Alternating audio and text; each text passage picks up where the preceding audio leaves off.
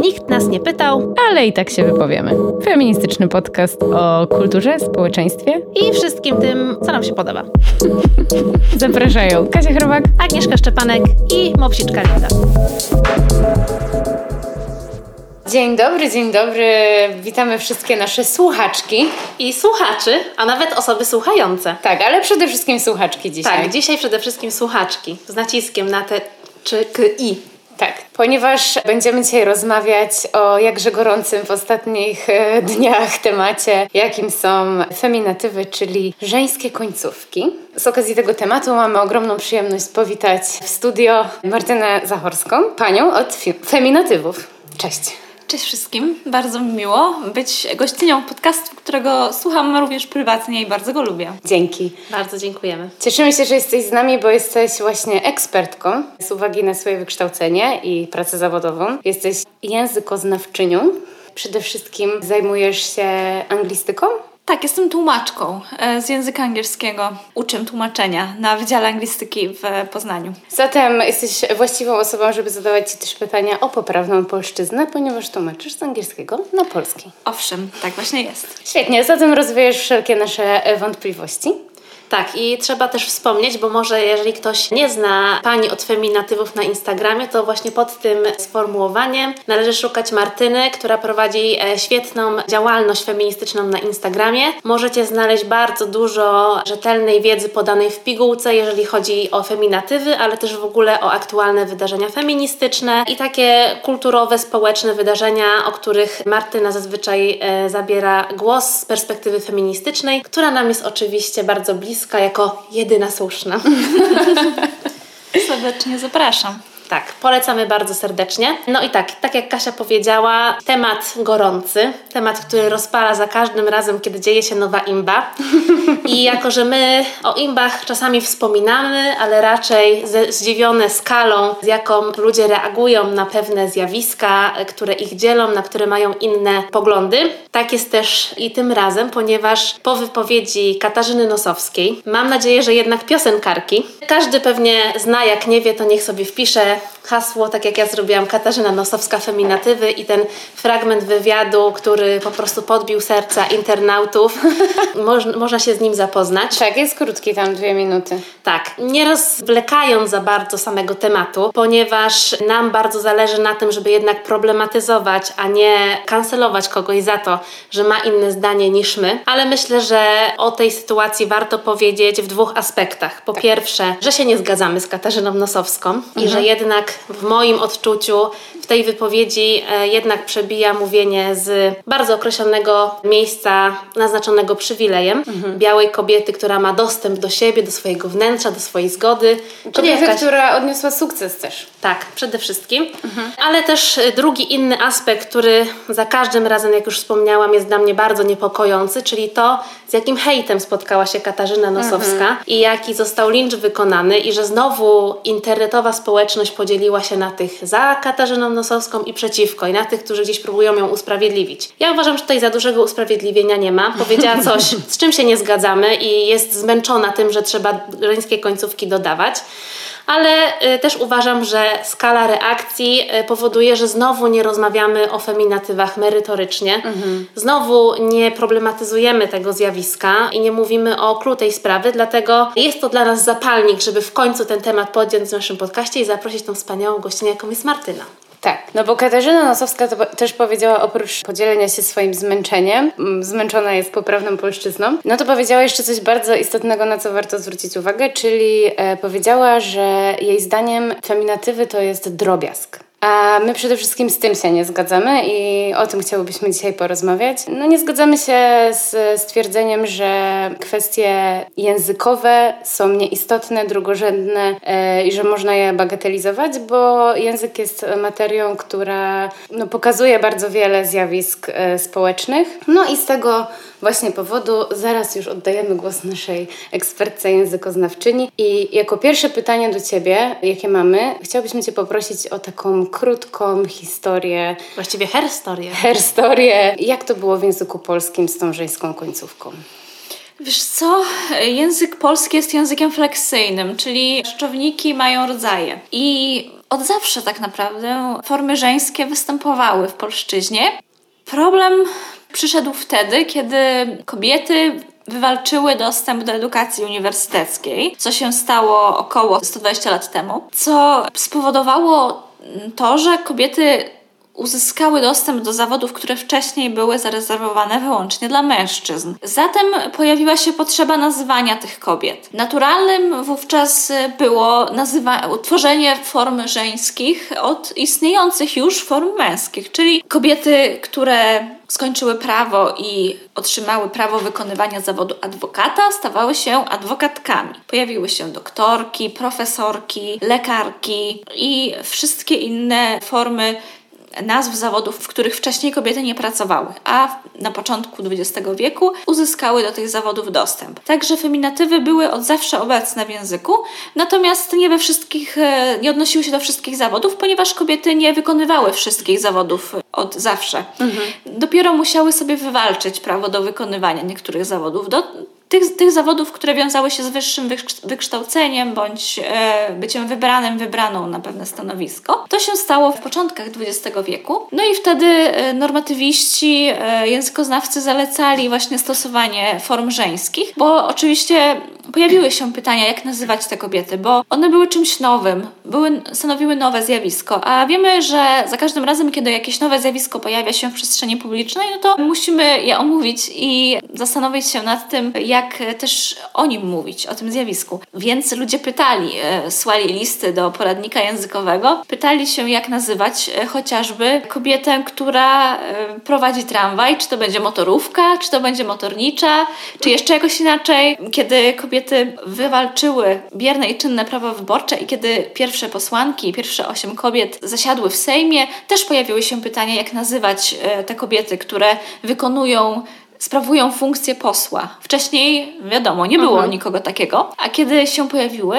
pojawiło się, pojawiła się potrzeba ich naz nazwania i, i zastanawiano się, czy powinno się je nazywać posłankami, czy posełkiniami, czy poślicami. Niektórzy ironizowali, że poślica to jak oślica, to tak jak dzisiaj czasami słyszymy, że poseł, posła osła, taki mhm. rym, ma to być śmieszne. Takie troszeczkę w stylu wujka Władka. Tak, e, jak najbardziej. Ale, ale ma to być śmieszne. No i takie żarciki też pojawiały się w tym 1919 roku. Ustalono już nazwę posłanka i ta nazwa została z nami. Też nie bez większych kontrowersji, bo wiemy, że część kobiet, e, które są polityczkami, nie chce, żeby używano wobec nich formy posłanka, wolą pani poseł. Najsłynniejszy przykład to pani Krystyna Pawłowicz, która będąc jeszcze posłanką poprawiała dziennikarzy, którzy mówili posłanka Pawłowicz. E, mówiła nie posłanka, tylko pani poseł. I też po 89 roku też rozgorzała na nowo ta dyskusja na temat słowa posłanka, bo e, wtedy, jak wiemy, pojawił pierwszy Sejm po obaleniu komunizmu i też ta dyskusja na nowo powróciła identyczna jak e, w 1919 roku. Później nastąpił komunizm. W latach 50., jak wiemy, po II wojnie światowej nastąpiła taka tendencja, która jest, e, no myślę, że rzeczą normalną, bo jak jak wprowadzamy nowy ustrój, to chcemy pozbyć się śladów po tym starym i chcemy budować coś nowego. Chcemy odrzucić stare i zająć się tym nowym. I wtedy też komuniści bardzo e, chętnie zajmowali się językiem również w kwestiach e, równościowych. I e, chcieli zrównać kobietę z mężczyzną, potrzebowali tego, żeby budować Polskę w myśl ideologii, prawda, budowania Polski, ideologii przodowników pracy, kobiety na traktory. Kobieta miała być równa mężczyźnie, również, również miało się to zadziać za pomocą języka. Zatem to wtedy pojawiła się ta tendencja do, upowszechniła w zasadzie ta tendencja, którą widzimy dziś, czyli odnoszenia się do kobiet e, przy użyciu e, form męskich. To wtedy pojawiły się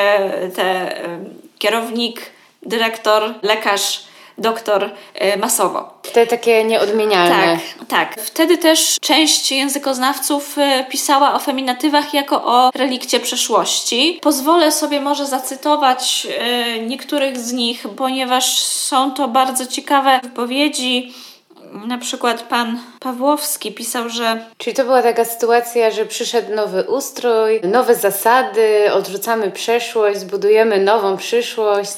tak, w dużej mierze tak. Upowszechnienie form męskich w odniesieniu do kobiet wynikało między innymi właśnie z tego, że 1957 roku profesor Klemensiewicz na zamówienie wydał taką instrukcję odnośnie właśnie stosowania żeńskich form nazw stanowisk, funkcji i form i, i, i nazw zawodów, w której to instrukcji zalecił właśnie stosowanie form męskich e, jako równościowych. E, Pojawiały się też głosy, że e, mówiąc o tym, że feminatywy to wstecznictwo, objaw e, zacofania językowego. Głosy mówiące o tym, że tylko osoby, które kurczowo trzymają się tradycji językowej, optują wciąż za używaniem form żeńskich. Nam często z PRL-em kojarzą się formy kierowniczka, dyrektorka, ale wiecie dlaczego? Dlatego, że one były wciąż w użyciu powszechnym e, takim na co dzień, w polszczyźnie codziennej. Dlatego, Pani że... kierowniczko. Tak, Do dlatego, dzisiaj bardzo żywe. Dlatego, że użytkownicy e, języka polskiego jeszcze mieli to zakodowane z czasów. Jako uprze- naturalne. Tak, z czasów uprzednich. I dopiero można powiedzieć, że siłą wprowadzono te formy męskie. Tutaj. Jako, e, można powiedzieć, nowomowę. jako nowomowę, oczywiście. Jak najbardziej tak. Tutaj e, pani doktor, doktorka Woźniak pisze, że przerwa w tworzeniu nazw żeńskich w okresie PRL-u, która doprowadziła do ich stylistycznej deprecjacji, była uwarunkowana propagandowo. Miała wymiar magiczny, podobnie jak inne strategie nowomowy. Brak podziału na nazwy męskie i żeńskie tytułów, zawodów i stanowisk miał świadczyć o braku dyskryminacji ze względu na płeć, o równouprawnieniu na rynku pracy. Taką strategię sankcjonowały wydawnictwa poprawnościowe. Widzimy, że ta zmiana nie była do końca oddolna, ona była troszkę narzucona jednak. Jednak wtedy właśnie ze względu na tę równość, na propagowanie, gdzieś byśmy powiedzieli może fasadowej równości płci, Bo ciekawe, czy równolegle wprowadzono równość płac. no właśnie, chociażby. Wtedy starano się z, zrównać kobietę z mężczyzną również na polu tym leksykalnym. Więc pojawiły się panie kierownik, panie dyrektor, panie doktor, panie lekarz, panie prawnik, panie adwokat i tak dalej, i tak dalej. I to jest właśnie to dziedzictwo, z którym my e, mamy do czynienia na co dzień dziś. To się utrwaliło i ta tradycja, która nam się wydaje, że jest tradycją, ona tak naprawdę ma 70 lat, 65 lat. To nie jest wcale nic odwiecznego, bo naturalnym stanem rzeczy dla polszczyzny są właśnie feminatywy, bo nasz język jest językiem fleksyjnym, w przeciwieństwie do chociażby e, języka angielskiego, gdzie rzecz- rzeczowniki nie mają rodzajów i jakby język neutralny płciowo jest dużo łatwiejszy do wprowadzenia niż w polszczyźnie. Mhm, czyli z jakby takim spadkiem po PRL-u została nam właśnie ta forma pani poseł, pani doktor i ta forma jest dzisiaj również poprawna, tak? Tak, jest również poprawna. Możemy mówić pani poseł, posłanka. Jak najbardziej obie formy są poprawne i Rada Języka Polskiego w oświadczeniu z 2019 roku też właśnie o tym mówi, że możemy używać i feminatywów, i form z pani. Natomiast jeżeli pomijamy to słówko pani i mówimy doktor zrobiła mi badania, To też jest poprawnie. to też jest Tak, poprawnie. Okej. to też jest poprawnie. Jak najbardziej mamy dowolność. Tutaj możemy stosować formę męską, możemy stosować formę żeńską. Ważne, żebyśmy nie dyskryminowali osób, które decydują się na którąś z nich. Bo bardzo często w internecie widzimy komentarze wyśmiewające osoby, które stosują feminatywy i oskarżające je o promowanie błędnych form. Ale tak naprawdę feminatywy nie są błędami. Są tak samo e, poprawnymi formami jak formy męskie. Stosowane wobec kobiet. Także warto właśnie pamiętać o tym i nie dyskryminować i tolerować e, zarówno jedną, jak i drugą formę, bo obie są poprawne. Mhm. Mówiłaś dużo o tym właśnie mm, początku XX wieku, który był taki przełomowy y, dla języka polskiego, jeżeli chodzi o feminatywy. Potem ten PRL, który trochę cofnął te sprawy, ale te formy żeńskie są dużo jakby starsze w ogóle, jeżeli chodzi o język y, polski, bo jeżeli przyjrzymy się tym wszystkim na przykład pieśniom religijnych, to mamy orędowniczkę, pocieszycielkę i tak dalej. I y, mamy też prorokinię, co w ogóle wydaje się teraz współcześnie takim strasznym wymysłem, jeżeli chodzi w ogóle o wiązanie feminatywów z jakąś opętaną feministką, która chce wszystkim e, narzucić swoją wolę, bo ta prorokini to jest jeszcze z tłumaczenia Biblii Jakuba Wójka, prawda? Owszem, jest to e, forma, która zauważcie nie różni się niczym od formy mistrzyni, której używamy na co dzień, mówiąc o mistrzyniach świata, mistrzyniach olimpijskich. Przecież to jest ta sama końcówka. Zauważmy to e, w ogóle w dyskusji o feminatywach. Bardzo często ta sama końcówka przeszkadza nam w jednych formach, a w drugich nie. Zobaczmy na przykład matematyczka, informatyczka, żołnierka, Felczerka. Aktorka, doktorka, mhm. czy, czy właśnie Norweżka, psycholożka, bo tak. na tej samej zasadzie są utworzone, bo, e, mhm. e, bo G wymienia się na rzecz. Norweg, Norweżka, psycholog, psycholożka. Mhm. Matematyczka, informatyczka, zobaczcie, matematyczka nam za bardzo nie przeszkadza, bo jesteśmy przyzwyczajeni, przyzwyczajone do tego, że nauczycielki są w większości kobietami i one jakby mamy te formy już y, są w nas wdrukowane. Mhm. Polonistka, matematyczka, historyczka. Z kolei informatyczka już tak nie bardzo nam pasuje, dlatego że jest to zawód zdominowany przez mężczyzn, mhm. jest wysoko płatny, jest y, też prestiżowy, bo nie jest łatwo się dostać na, na studia informatyczne. Podobno około 15% studentów, studentek to kobiety. Zatem ta końcówka już nam troszkę nie gra. I zauważmy właśnie, jak często jest to kwestia właśnie nie językoznawcza, tylko jest to kwestia socjologiczna, społeczna. Mhm, tak. Naszych uprzedzeń, naszych, e, naszego podejścia do tego, co jest kobiece, a co jest męskie. Prestiż kojarzy się z mężczyzną, z męskością, z władzą, zaś e, takie niskopłatne zawody kojarzą się z kobietami i zazwyczaj w tych niskopłatnych zawodach nie ma problemu z feminatywami. Mhm. Tak. W, niskopła- w, niskopłatnych lub w zdominowanych przez kobiety. Tam jest wręcz problem z męską formą, tak. bo pielęgniarz brzmi bardziej egzotycznie, powiedziałabym, tak. nie? Nawet na przykład sprzątacz, to sprzątacz, już nie, no, byłby chyba duży opór wobec takiej no. formy i tego, że w ogóle Nianiek, tak, no. jak to jest możliwe, że mężczyzna sprząta w ogóle zawodowo. Albo nie, nie zdarza się. Dziećmi, albo chorymi. Tak jak na przykład y, jest y, przedszkolanka, chociaż to jest forma, której panie wykonujące ten zawód niekoniecznie lubią, mhm. bo wolą wychowawczyni przedszkolne lub tak. nauczycielka tak. przedszkolna. Z kolei mężczyzna to już nie będzie potocznie przedszkolanek, tylko też wychowawca przedszkolny, mhm. nauczyciel przedszkolny, przedszkola. Co do pielęgniarki, to tutaj chciałabym pozdrowić pana pielęgniarkę, autora profilu na Instagramie i książek. E, pana pielęgniarkę, on mówi o sobie czasami, że jest pielęgniarką, starą pielęgniarką, starą mhm. pielęgniarą mhm. i oswaja tę formę, mhm. co jest bardzo moim zdaniem urocze i pokazuje absurd tej, tej, tej całej sytuacji. I też mówi bardzo często, że pacjenci i pacjentki mówią do niego panie doktorze. Oh, no wow. są z mężczyzną. Tak, tak, bo są tak bardzo nieprzyzwyczajeni do tego, że mężczyzna może być pielęgniarzem. Mhm. No bo to są takie właśnie funkcje, które powinna spróbować kobieta, związane właśnie z byciem opiekuńczą, troskliwą, bo przecież do tego jesteśmy socjalizowane. Więc jeżeli te, nagle te funkcje przejmuje mężczyzna, to nagle to co, z tym, dziwne. co z tym autorytetem? Przecież to jest niemożliwe, przecież on jest od wiedzy, tak? Mhm. Tak, a przecież pielęgniarka to jest zawód, który wymaga olbrzymiej wiedzy i też olbrzymiej siły. Mnie to zawsze zastanawia, dlaczego jest to zawód, który jest tak pogardzany i który jest traktowany jako coś, co przychodzi kobietom naturalnie mhm. i jako coś lekkiego. Przecież zawód pielęgniarki jest niezwykle ciężki, niezwykle wymagający. Mhm. I jak najbardziej tutaj... Fizycznie tak, i psychicznie. fizycznie i psychicznie, mhm. tak. I jest to naprawdę druzgocące, jak niskopłatny jest to zawód. Tak, no ale to też jest e, związane, przepraszam, że Ci wejdę w słowo, ponieważ jedna z bliskich mi osób właśnie jest wychowawczynią w przedszkolu i ona właśnie mi powiedziała, że ona nie lubi tej formy przedszkolanka, ponieważ ona w takim potocznym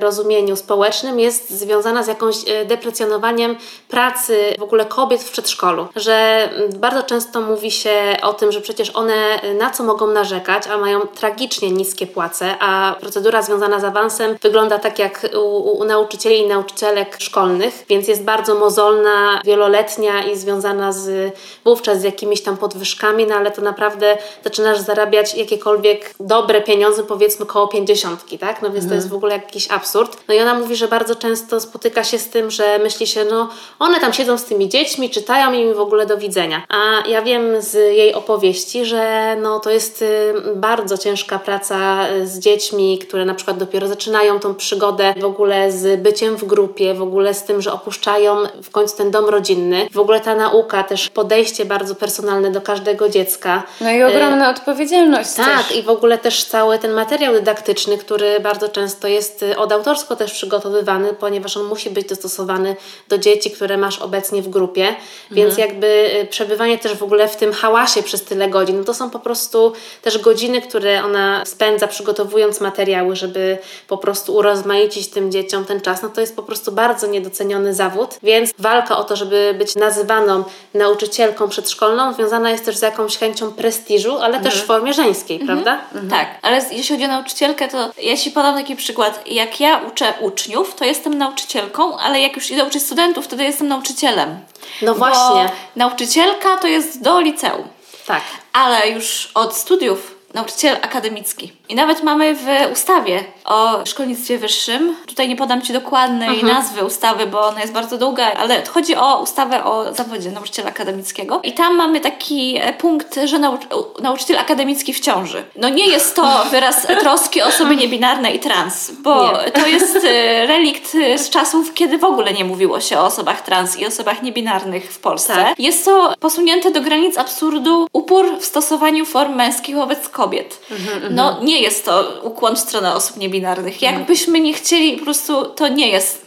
To w ogóle nie, nie to. Tak. No i to jest właśnie bardzo ciekawe, jeżeli już mówimy właśnie o tym prestiżu i jakichś takich uprzedzeniach, że te opór wobec tych feminatywów jest jednak bardzo naznaczony naszymi uprzedzeniami, e, kwestią przywileju, że na przykład nas to nie obchodzi, ponieważ nasze życie jakby w tym miejscu, w którym jesteśmy, na- nas zadowala, nas to nie dotyczy, ale no nie zawsze boli i chyba najbardziej mnie boli, kiedy kobiety właśnie są oporne wobec tych form żeńskich, że uważają, że bycie sekretarką jest na tyle jakby degradujące dla nich i w jakimś sensie poniżające ich kompetencje, że wolą być sekretarzem albo sekretariatem i po prostu nazwa pomieszczenia jest dla nich lepszym rozwiązaniem niż powiedzenie o sobie, że jestem sekretarką. W mojej pracy jestem jedyną osobą, która swoje stanowisko pisze z formą żeńską. Kiedy zwracam uwagę, że można by to napisać w taki sposób, że język polski właśnie jest fleksyjny i że odkąd zajmuję się jakimś projektem, to będę podpisywać wszystkie kobiety, które biorą im udział z formą żeńską, no to od razu słyszę, o Jezu, ta feministka.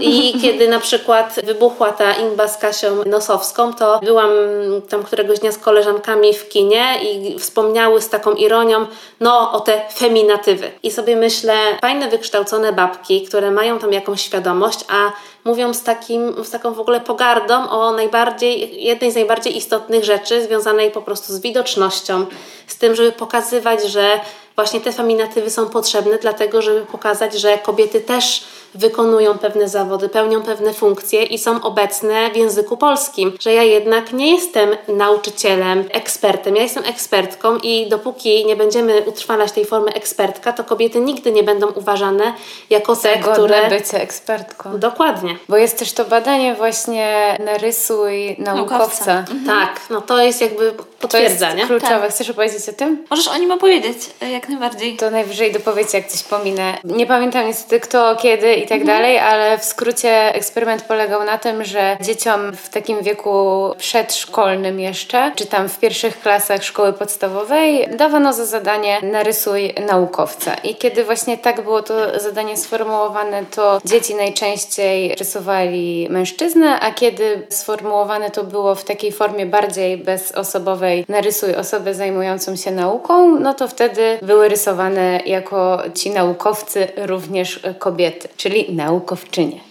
Tak, bo jest taki cytat, który mówi o tym, że nie możemy stać się e, tym, kogo nie widzimy. To jest bardzo ważne Tak. w kontekście feminatywów i w kontekście dzieci, bo mm, małe dziewczynki jeszcze wierzą, że mogą być kim chcą, ale z czasem ta wiara zanika i to właśnie pokazują też wyniki badania a Scientist, czyli narysuj naukowca, bo procent dziewczynek rysujących e, kobiety zmniejsza się wraz z wiekiem, czyli wiek wzrasta, a procent e, naukowczyń, policjantek e, i tak dalej, narysowanych przez dziewczynki maleje. Bo, socjalizacja, bo socjalizacja postępuje wchodzi, w tak. patriarchacie. E, Dziewczynki po prostu wychowywane są w w tym społeczeństwie, które jest jednak wciąż przysiągnięte takim myśleniem coraz mniej, ale jednak ta popkultura mówi nam, że kobiety i mężczyźni to odmienne światy. Jedni są z Marsa, inni są z Wenus i też zawody są inne dla nich, jakby pasujące do ich kompetencji, że na przykład nauka, biznes, władza i pieniądze są na mężczyzn, a opieka, troskliwość, zawody niskopłatne są dla kobiet. O Mhm. tak, to bym, bym, bym to... e, Nikt tego tak wprost nie powie, ale między wierszami, jak już chodzi. mamy e, Tak. 12 lat, to już to wiemy. Programowanie to jest dla chłopców, a dla dziewczynek to bardziej Mhm. Gimnastyka artystyczna, która jest w ogóle absolutnie wspaniałym sportem. Ja Tak. uwielbiam w ogóle ak- akrobatykę i akrobatów i akrobatki. Tam też y, pojawiają się czasem seksistowskie komentarze, ale y, uwielbiam ten sport. Dla dziewczynek jest gotowanie, a dla chłopców jest programowanie. Tak, I... klasy humanistyczne, Tak. a nie y, matematyczno-fizyczne czy, czy daj Boże biochemiczne. Jeszcze biochemiczna jak cię panie, ale, Tak. ale e, Fizyka i fizyka i matematyka. Biologiczna to jeszcze jest okej, bo tam jest przecież farmacja, tam jest e, weterynaria, medycyna, pielęgniarstwo i można być też nauczycielką chemii. Tak, nauczycielką. Ale już potem na pewno na nauczycielem nie. akademickim. A na Politechnikę nie. Nie, nie, nie. Za dużo. No bo to dla chłopców. Ja często dostaję właśnie wiadomości, że na przykład moja ośmioletnia córka usłyszała w szkole, że zajęcia z programowania to są dla, nie są dla dziewczynek. Albo że powiedziała, tak pani, że to jest dla, dla chłopców. Mhm. To jest w ogóle jeszcze nie- bardziej bolesne, że mówi to pani nauczycielka, nie? Bo że e, w grupie nie ma e, dziewczynek i że, nie, że chciała chodzić na programowanie, czy tam na, są takie zajęcia z programowania w Lego, ale tam są sami chłopcy i, i, i, i już jej się odechciało, no bo jednak no, w tym wieku jest tak, że trzymamy się raczej z przedstawicielkami i przedstawicielami tej samej płci głównie i dziewczynki mają, tak samo jak chłopcy nie chcą uczestniczyć często w czymś, co jest w zajęciach, które są zdominowane przez dziewczynki i odwrotnie, nie? Jak widzimy samych chłopców, to się zaczynamy zastanawiać, czy to jest rzeczywiście miejsce dla nas? No ale to właśnie chyba bardziej wynika z tego, nie? że jak Mhm. się jest jedyną osobą jakiejś płci w Tak. grupie, to bez względu na to, co to jest za zajęcie, to się czujemy jednak dziwnie, Tak. nie? To jest y, tak naprawdę we wszystkich e, sferach życia. Tak samo jak e, będąc e, nastolatkiem, nastolatką queerową, wtedy, kiedy nie widzimy reprezentacji wokół siebie, myślimy, że jesteśmy jedyni w mieście, w wiosce, w społeczności, bo nie widzimy wokół siebie innych gejów, innych lesbijek, innych osób trans, biseksualnych, niebinarnych.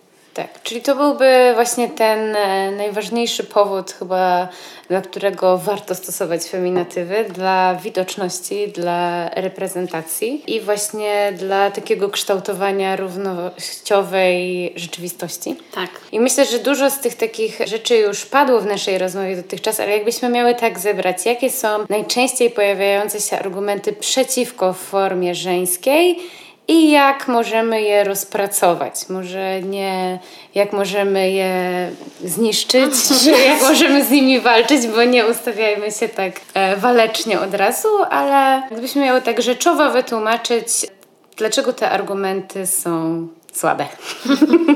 Wiesz co, dla mnie ważna jest ta wolność wyboru i jeżeli ktoś mówi to tylko język, to ja chcę mu odpowiedzieć, to skoro to tylko język, to po co robisz z tego inbę? No daj żyć, daj żyć. I skoro coś nie jest błędem, no to po prostu akceptuj to. Jakby nie czepiaj się słówek, bo mamy prawo do używania takich form, które, takich, jakie nam się najbardziej podobają. Różne są argumenty. W ogóle ja też używam tego skrótu myślowego przeciwnicy feminatywów, natomiast y, Ciężko jest mówić o przeciwnikach feminatywów, bo jeżeli w języku polskim, w języku fleksyjnym, bo jeżeli ktoś miałby być przeciwnikiem feminatywów, to by musiał mówić pani aktor, pani tancerz, pani model, pani. e, Pani pielęgniarz. Pani pielęgniarz, pani kosmetyczek.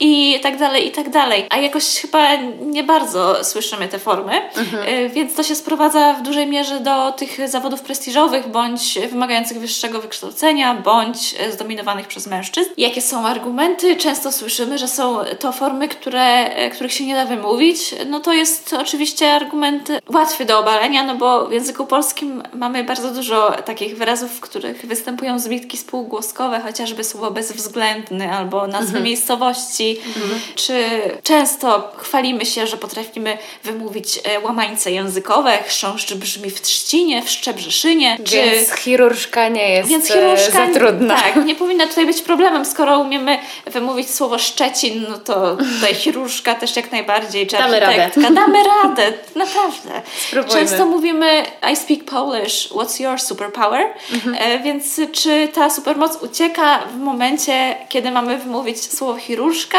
Mhm. Chyba ono jest, ono, ona jest z nami cały czas, e, jeśli ją mamy. E, Mamy też argument o, mówiący o tym, że to są formy ośmieszające, no to nie jest argument językoznawczy, tylko socjologiczny. Warto zadać sobie pytanie, dlaczego uznajemy kobiecość za śmieszną i dlaczego utożsamiamy męskość, męską końcówkę z prestiżem. Jaki jest jeszcze argument y, nowomowa? No nie jest to żadna nowomowa, ani w znaczeniu e, tym stricte orwellowskim, ani w znaczeniu neologizm, dlatego że, że formy żeńskie są z nami od zawsze, a te takie bardziej kontrowersyjne głównie są z nami od 120 lat, czyli od czasu, kiedy kobiety mogą studiować. Mamy jeszcze argument o homonimii, czyli że pilotka będzie się nam mylić z czapką, a adwokatka z ciastkiem. No pilot nam się raczej nie myli z e, urządzeniem do zmieniania kanałów w telewizorze, czy do otwierania bram e, garażowych. Potrafimy znaczenie Określić względem e, kontekstu. Z kontekstu, tak. Kontekst, szerszy kontekst, proszę Państwa. Tak że coś istnieje. Tak, jak zawsze nam mówili wykładowcy na zajęciach z tłumaczenia, szerszy kontekst. I, i nam naprawdę Myślę, że słowo pilot w znaczeniu pilot do telewizora jest znacznie częściej używane niż czapka pilotka lub Oczywiście. też e, ciastko adwokatka, o którego istnieniu dowiedziałam się podczas badań nad feminatywami, bo e, pojawia się ono niezwykle często w argumentach, w komentarzach, szczególnie panów, przeciwników feminatywów. Skrót myślowy, ale nie da się tego inaczej powiedzieć. Adwokatka to ciastko. No ja nigdy nie widziałam go w Nigdy nie jadłam. Też nie. Ja nie widziałam w ogóle nawet. Jak, jak zobaczę, to kupię. To prędzej adwokat właśnie jako Jako- alkohol, alkohol, nie? No, tak, pączek z adwokatem, jak on tam wszedł. Wspaniałe. Jak? To jak on się tam znalazł? No, No po to prostu chyba mamy w takim razie całą listę rozpracowaną. myślę, że tak. Tak. To mam jeszcze na zakończenie jeden temat taki, który wydaje mi się może nas e, gdzieś jeszcze zaprowadzić w taką głębszą rozkminę. No bo ja jak najbardziej stosuję i promuję feminatywy. Jestem ich zwolenniczką, natomiast czasem się zastanawiam nad tym, czy być może nie byłoby właśnie milej i sprawiedliwiej i, i, bardziej, i inkluzywniej, żeby starać się stosować takie formy językowe, które nie wskazują od razu na płeć. Czyli albo poszukać właśnie jakichś neologizmów i starać się tą polszczyznę o nie poszerzyć, czy też stosować tę formę, która wymaga dłuższego formułowania myśli, czyli formę osoby zajmujące się czymś, prawda? Albo osoby słuchające, które pozdrawiamy. Bardzo. No i teraz pytanie do Was. Czy sądzicie, że, że te feminatywy jednak powinny być promowane z pełną parą, czy jednak e, w duchu inkluzywności wszystkich osób będziemy mówić raczej o osobach? Tak jak, jak mówiłaś, przeorganizowanie naszego języka na sposób inkluzywny w takim sensie jest e, znacznie trudniejsze niż w przypadku angielszczyzny. Bo tak jak już mówiłam, to jest języ- polszczyzna to język fleksyjny i tutaj rzeczywiście trzeba by było grubszych zmian. I na pewno formy męskie nie są e, formami e, inkluzywnymi, bo one są, tak jak sama nazwa wskazuje, męskie. Trzeba by było wymyślić neologizmy lub też stosować formy tak zwane oso- osobatywy, czyli osoba autorska, osoba pisząca, osoba ucząca, osoba Partnerska. partnerska. Myślałam o różnych innych zawodach, tak. Tak. się zastanawiałam, jak na przykład będzie policjant, e, policjantka w wersji osobatywnej. Osoba, Osoba typu policjant. No nie. No tak. Osoba pilnująca porządku. Strzegąca prawa. Osoba typu ACAB. No ale co z tymi osobami? Wiesz co? Jest dużo społeczności, które stosują właśnie te formy i na, głównie są to osoby niebinarne. One też e, wykazują się bardzo dużą akceptacją w stosunku do feminatywów, bo w badaniu Pracuj.pl, które było przeprowadzone w 2021 roku, to osoby niebinarne wykazały się największą akceptacją właśnie dla form żeńskich. Kobiety są na tak e, w 83%, zaś w przypadku osób niebinarnych jest to ponad 90%, czyli jeszcze większa akceptacja dla feminatywów niż e, w przypadku kobiet.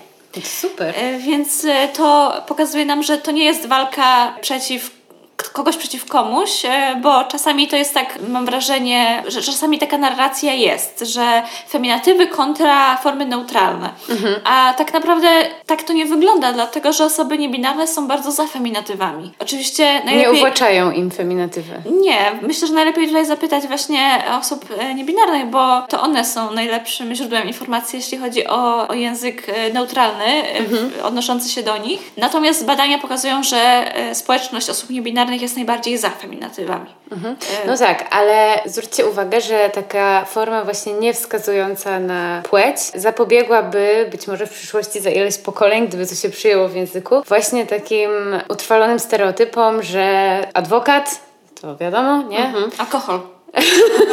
I ciastko. Że adwokat to najczęściej mężczyzna, czy i tak dalej, nie? Mhm. najbardziej, no, tylko pamiętajmy, że to są długie formy, a język zawsze dąży do bycia jak najbardziej ekonomicznym i do jak największego skracania mhm. i wyrażania swoich myśli jak najkrócej. Dlatego też feminatywy są tak bardzo pomocne nam, y, bo dzięki nim możemy mm, wyrażać się bardziej ekonomicznie, mhm. bo pani adwokat jest dłuższa niż adwokatka. Mhm. Mniej znaków, mhm. co też jest ważne. Dla tłumaczy lepiej więcej znaków, ale dla większości osób mniej znaków, im mniej znaków, tym lepiej.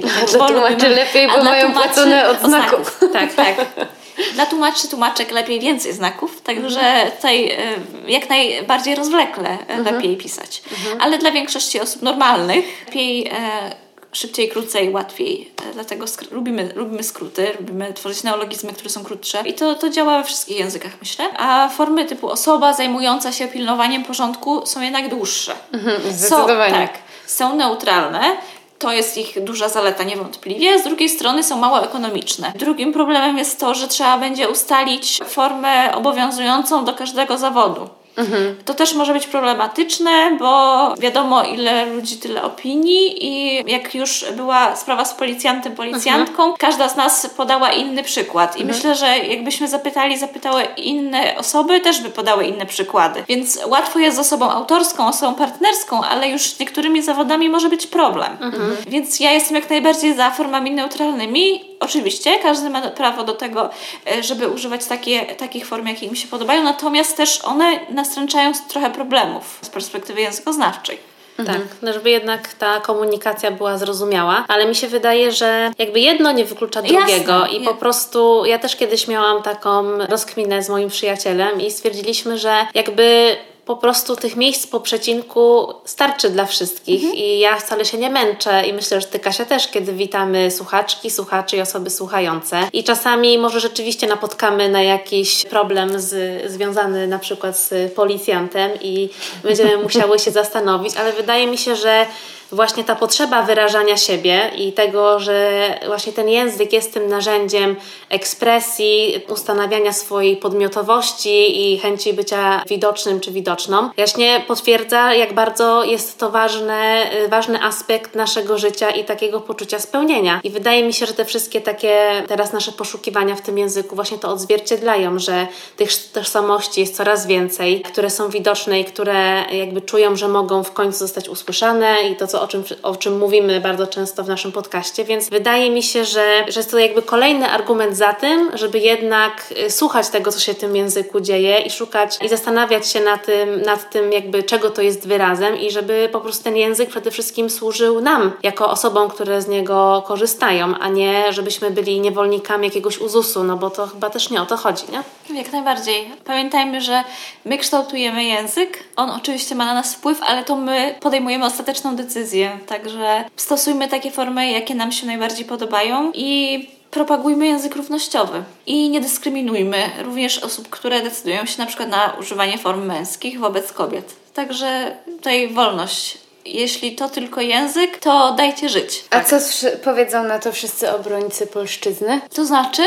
No ci, którzy w komentarzach mówią, że co to za szkalowanie języka polskiego, udziwnianie i w ogóle wymyślanie? Wiesz co, myślę, że tutaj e, obrońcami polszczyzny są poloniści i polonistki, autorzy, autorki, exactly. a, a, nie anonimowi czy też randomowi użytkownicy internetu, którzy mają wykształcenie, nie wiem, informatyczne, prawnicze, czy też pracują w korporacji mhm. czy gdziekolwiek. No jednak... E, I też pewnie w komentarzach nie stawiają wszystkich przecinków, a może czasem nawet zdarzy im się błąd ortograficzny. Oj, myślę, że tutaj przecinki tutaj najmniejszy problem stanowią. Czasem komentarze e, dotyczące obrony polszczyzny zawierają błędy ortograficzne, a myślę, że błędy ortograficzne tutaj są, są bardziej rażącym uchybieniem i, i bardziej większym, i większym naruszeniem godności naszej polszczyzny niż feminatywy, które są poprawnymi formami i, i, i tak naprawdę to od nas zależy.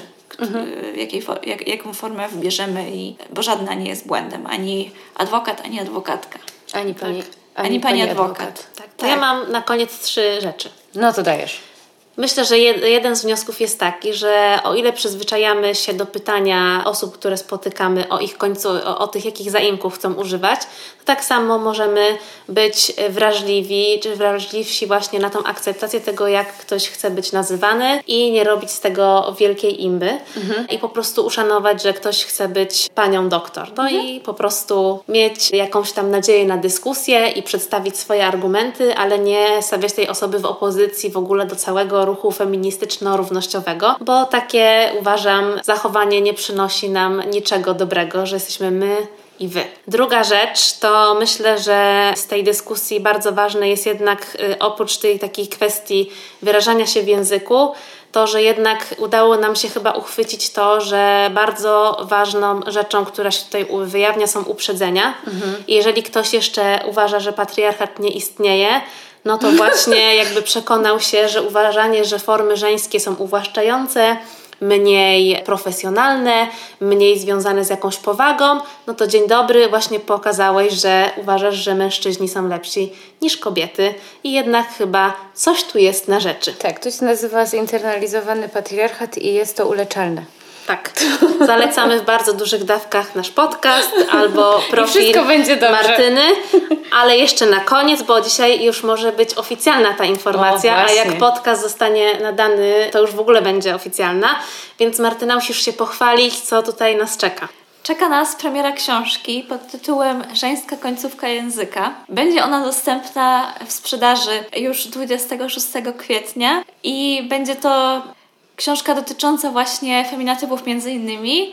Będzie tam dekonstrukcja e, mitów na temat feminatywów, e, będzie o historii, o współczesności, ale także o innych tematach językowych e, związanych z płcią i seksualnością. Będzie o nazwach narządów płciowych, będzie o różnych wątpliwościach związanych z językiem neutralnym płciowo, poprawności politycznej, która nie istnieje, będzie o słowie na M, będzie o różnych mitach, niekoniecznie językoznawczych, ale feministycznych feministyczno-kulturowych. Przeczytamy tam właśnie między innymi o tym, jakie słowo oznaczające część ciała było zakazane przez stacje telewizyjne w Stanach Zjednoczonych. W serialu medycznym, e, który o częściach ciała traktuje.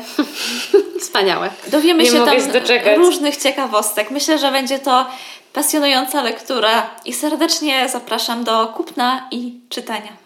Tak, my będziemy na pewno jeszcze polecać i myślę, że super, że zwłaszcza na polskim rynku wydawniczym pojawi się taka e, książka, która gdzieś to zbiera i e, będzie łatwo dostępna dla ludzi, którzy po prostu uważają, że tę wiedzę można tylko czerpać z internetu i jakby to jest nieprawda i e, bardzo czekamy na tę książkę i dziękujemy Ci, że zgodziłaś się być naszą gościnią dzisiaj. Bardzo dziękuję za zaproszenie. Jeszcze ostatnie słowo ode mnie. Marzy mi się czas, w którym feminatywy nie będą markerem przynależności politycznej, a staną się na nowo neutralnymi środkami wyrazu, neutralnymi wyborami leksykalnymi. Po prostu nie powinno być tak, że po tym, jakiej formy ktoś używa, możemy poznać, na kogo głosuje bo to są tylko słowa, aż słowa, ale też tylko słowa.